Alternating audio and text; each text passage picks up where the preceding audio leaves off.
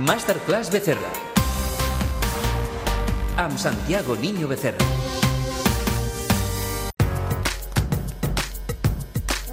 Per primera vegada en 10 anys el Barça tancarà la temporada amb quasi 100 milions d'euros de pèrdua i les previsions amb l'estadi encara tancat per al públic durant uns quants mesos no són gaire optimistes i la majoria de clubs van pel mateix camí. Perdoneu-me aquest acudit fàcil, però està clar que la Covid ha marcat un gol al futbol. Oh, dja, dja. Y'a pas moyen, dja, dja. J'suis pas ta cata, dja, dja. Genre, en katana, baby, tu donnes ça.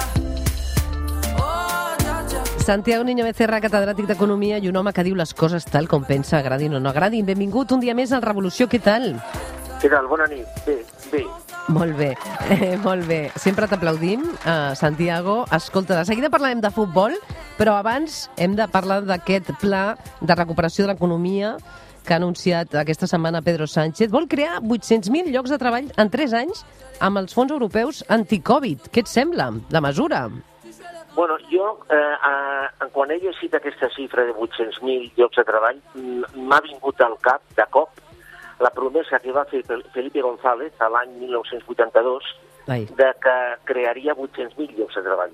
ja. Eh, evidentment no els va crear, després Felipe González ho va explicar, ho va, ho va justificar, i, però és que és curiós perquè automàticament automàticament m'han vingut al cap això. És a dir, a veure, crear 800.000 llocs de treball mm, a temps parcial, eh, subempleo, precari, no ho sé, no ho sé. Potser- Però, home, però hi ha els fons europeus per fer-lo, perquè aquests fons europeus ja han dit que les ajudes hauran d'apostar clarament per l'economia verda i digital. Sí, ens, aquí- ens agraïm molt que torni ja a parlar, que hi hagi aquesta paraula, digital i tecnologia, sí, però no? el problema, el problema central és aquest, precisament. Espanya pensa que pràcticament un euro de cada tres de PIB que genera eh, ho genera via turisme, restauració, hostaleria, transport i oci.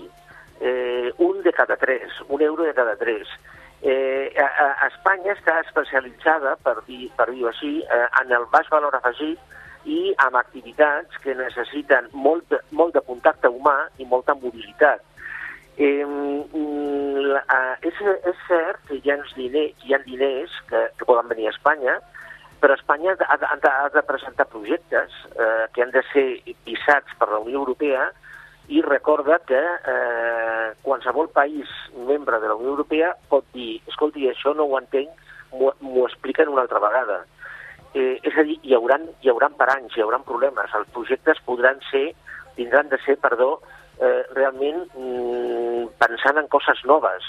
És a dir, aquests diners no serviran per canviar els quarts de bany d'un hotel, eh, per atreure més turistes. Han de ser, com tu dius, digitalització, sanitat, eh, eh, projectes nous, energies netes, i jo, i jo no sé, jo no sé si Espanya eh, té prou eh, eh, i més D, etc etc. no sé si té prou, prou recursos per eh, a- afrontar eh, aquests projectes i re- recolzar aquests diners. Per, tu, no- per tant, no- tu aquest pla no et sembla realista del tot, això que diu? Et Jo- sembla poc realista?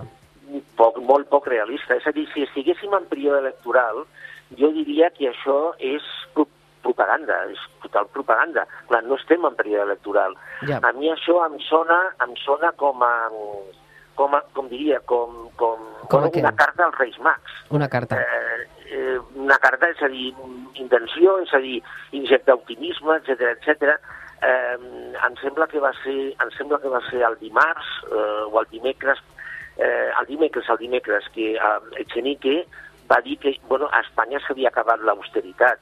Bueno, sí, sí, clar, però mm, a veure, sí, sí, sí tenim prou forces per atraure aquests diners. Dir, que aquests diners no, no, no ens arribaran amb una maleta i Clar. diran, bueno, vostès mateixos. No, no, no. És a dir, hem de demostrar que es creen, clar, que es creen aquests llocs de treball. Bé, veurem aquest pla, veurem com, com va aquest pla, si realment es creen aquests llocs de treball, en parlarem durant tota la temporada, però està clar que s'han de fer, perquè l'activitat econòmica es desplomarà encara més del que havia calculat Sí. el govern espanyol i, per tant, ho necessitem. A l'inici del programa parlava del futbol, i és que si abans el coronavirus el futbol era una mena de gallina dels ous d'or, està clar que les coses estan canviant. Aquest so que sentim, Santiago, ara mateix només es pot mm, de fer de forma virtual, perquè els camps de futbol estan buits i això fa que els ingressos del club baixin en picat. Amb la crisi també baixen ingressos publicitaris, venda de samarretes. Per tant, la bombolla futbolística també podríem dir que ha patat amb el Covid? A, a veure, eh, de- deixant de banda si eh, els ingressos del futbol, els, els del passat, eh, eh, per, per publicitat i televisió, etc etc, eren correctes o no, és a dir, no entrem això, els ingressos existien i punt, eh, eren, eren fills eh, o conseqüència d'una realitat. Aquesta realitat ha canviat. Perquè, clar, és a dir, és cert que els estadis estan buits ara, però, bueno, és a dir, la, la publicitat podria haver augmentat, no? És a dir, eh, més gent mirant els partits per televisió, plataformes de pagament, etc etc. I, i sembla ser que això no està sent així. Llavors, eh, bueno, jo, jo al, al futbol eh, el veig com un negoci, és a dir, eh, els negocis tenen vida, tenen un, una trajectòria, mm, és possible que el negoci futbol, no, no com a activitat esportiva, eh, negoci futbol com a capacitat de generar cash flow, és a dir, des d'un punt de vista purament econòmic, bueno, estigui caient, és possible. Una, una activitat que ha arribat al seu, al seu màxim i ara està baixant, és possible. Per tant, eh, pot ser que aquests sous multimilionaris de les grans estrelles comencin també a baixar si la cosa continua així. Podria passar, no, Santiago? Sí, to- to- totalment. De tota manera, hi ha moltes, moltes persones que han criticat els, els sous dels jugadors. Jo no, jo mal, mai els he criticat. Perquè un jugador és com una màquina, és com un actiu. Llavors, aquesta era la seva remuneració. Mm, evidentment, si, si, si se pagaven aquests sous és perquè el jugador s'ho guanyava o, o algú considerava que s'ho guanyava. O l'audiència Ara. que tenien aquests partits generaven aquests ingressos per poder pagar aquests sous, clar. Exacte. Bé, un altre tema que vull parlar amb tu, teletreball. Una altra qüestió que tu tens claríssim també des de fa temps, el teletreball anirà més. Diuen que un de cada cinc treballadors a l'estat espanyol teletreballarà a distància. Jo, jo inclús penso que serà més. Eh, Més. I, I en països i en països com Dinamarca, Països Baixos, Àustria, encara serà molt més. A, a veure, mm, el, el teletreball eh, existia des del començament dels anys 90. El que passa és que per qüestions tecnològiques, eh, internet era, al començament dels anys 90 internet era molt, molt feble, eh, i en segon lloc perquè mm, tradicionalment les persones estaven eh, acostumades a socialitzar amb la feina, a anar a la feina, etc etc. doncs llavors el teletreball no s'utilitzava. De cop i volta, una cosa que es diu eh, eh, Covid-19, aquesta malaltia, eh, ens ha fet redescobrir el teletreball. És a dir, eh, i, home, però si ja sabem que existeix una cosa, i a més amb, una, amb un avantatge, que la tecnologia ara és potentíssima i, i es pot utilitzar. Lla- Llavors, ara es crea un, un cercle virtuós.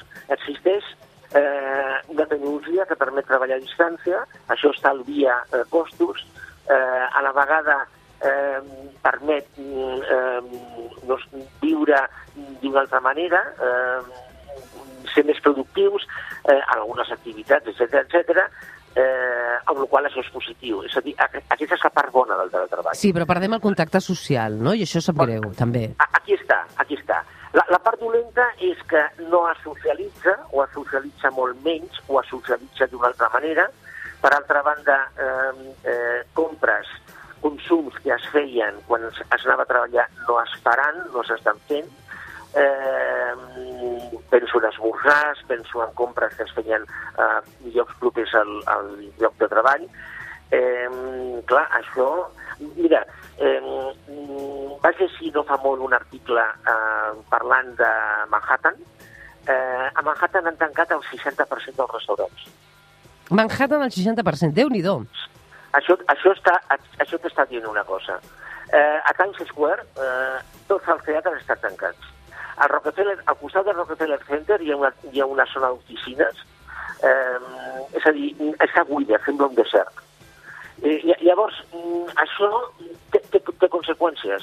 Té conseqüències que jo crec que aniran més enllà de que hi hagi una vacuna o de que hi hagi medicaments per tractar aquesta malaltia. Per què? Perquè això jo crec que està entrant en els hàbits. De eh? les Les empreses, recordem, hauran de pagar uns 790 milions d'euros pel teletreball per les despeses administratives, però eh, també és molt el que es podran estalviar, no? També, per altra part, les empreses. Bueno, una, una consultora britànica va, va, va estimar a, a mitjans dels 90, que jo crec que això encara serà més, que a, a, al Regne Unit l'empresa mitja per al lloc de treball mig es podia estalviar el 65% de costos. Realment és molt. 65% de costos, clar. Però això, això també, clar, té, té, una altra, té una altra conseqüència. Tu imagina't què passarà amb el preu del metro quadrat d'oficina. Uh -huh. Clar, que caurà, evidentment, perquè es necessitaran menys oficines. Possiblement Manhattan o la City de Londres eh, o, o la zona de París de, de, de negocis, vull dir, és, o, és on, on es veurà més, perquè hi ha més concentració. Clar, si, si aquestes zones estan pensades, al Midtown de, de Manhattan, per exemple, està pensat per concentrar molts treballadors amb un poc, poc puesto, i ara la tendència és a expandir eh, aquests treballadors, clar, evidentment el preu d'aquests edificis caurà. Molt bé. Hem d'acabar, Santiago. A tu t'agrada per això el teletreball. Tu has fet tota la vida també una part de la teva feina amb teletreball, no, Santiago? Sí, sí, és a Tu dir, vas jo... a la universitat, fas classes, però també quan estàs amb els mitjans de vegades teletreballes, no? Sí, sí, i a més ara aquí al- a l'IQS hem fet, hem fet una semipresencialitat, Sí. amb la qual es combina amb, amb, bueno, amb, amb eh, aplicacions per poder fer classe a distància. Sí, Clar. sí, sí. Molt bé, doncs com dèiem, segons el Banc d'Espanya arribarem al 70% de treballadors que apostaran pel teletreball. Moltes gràcies, Santiago Niño Becerra. Un plaer, com sempre, parlar amb tu. Una abraçada. Molt bé, gràcies. Adéu, bona nit. Adéu.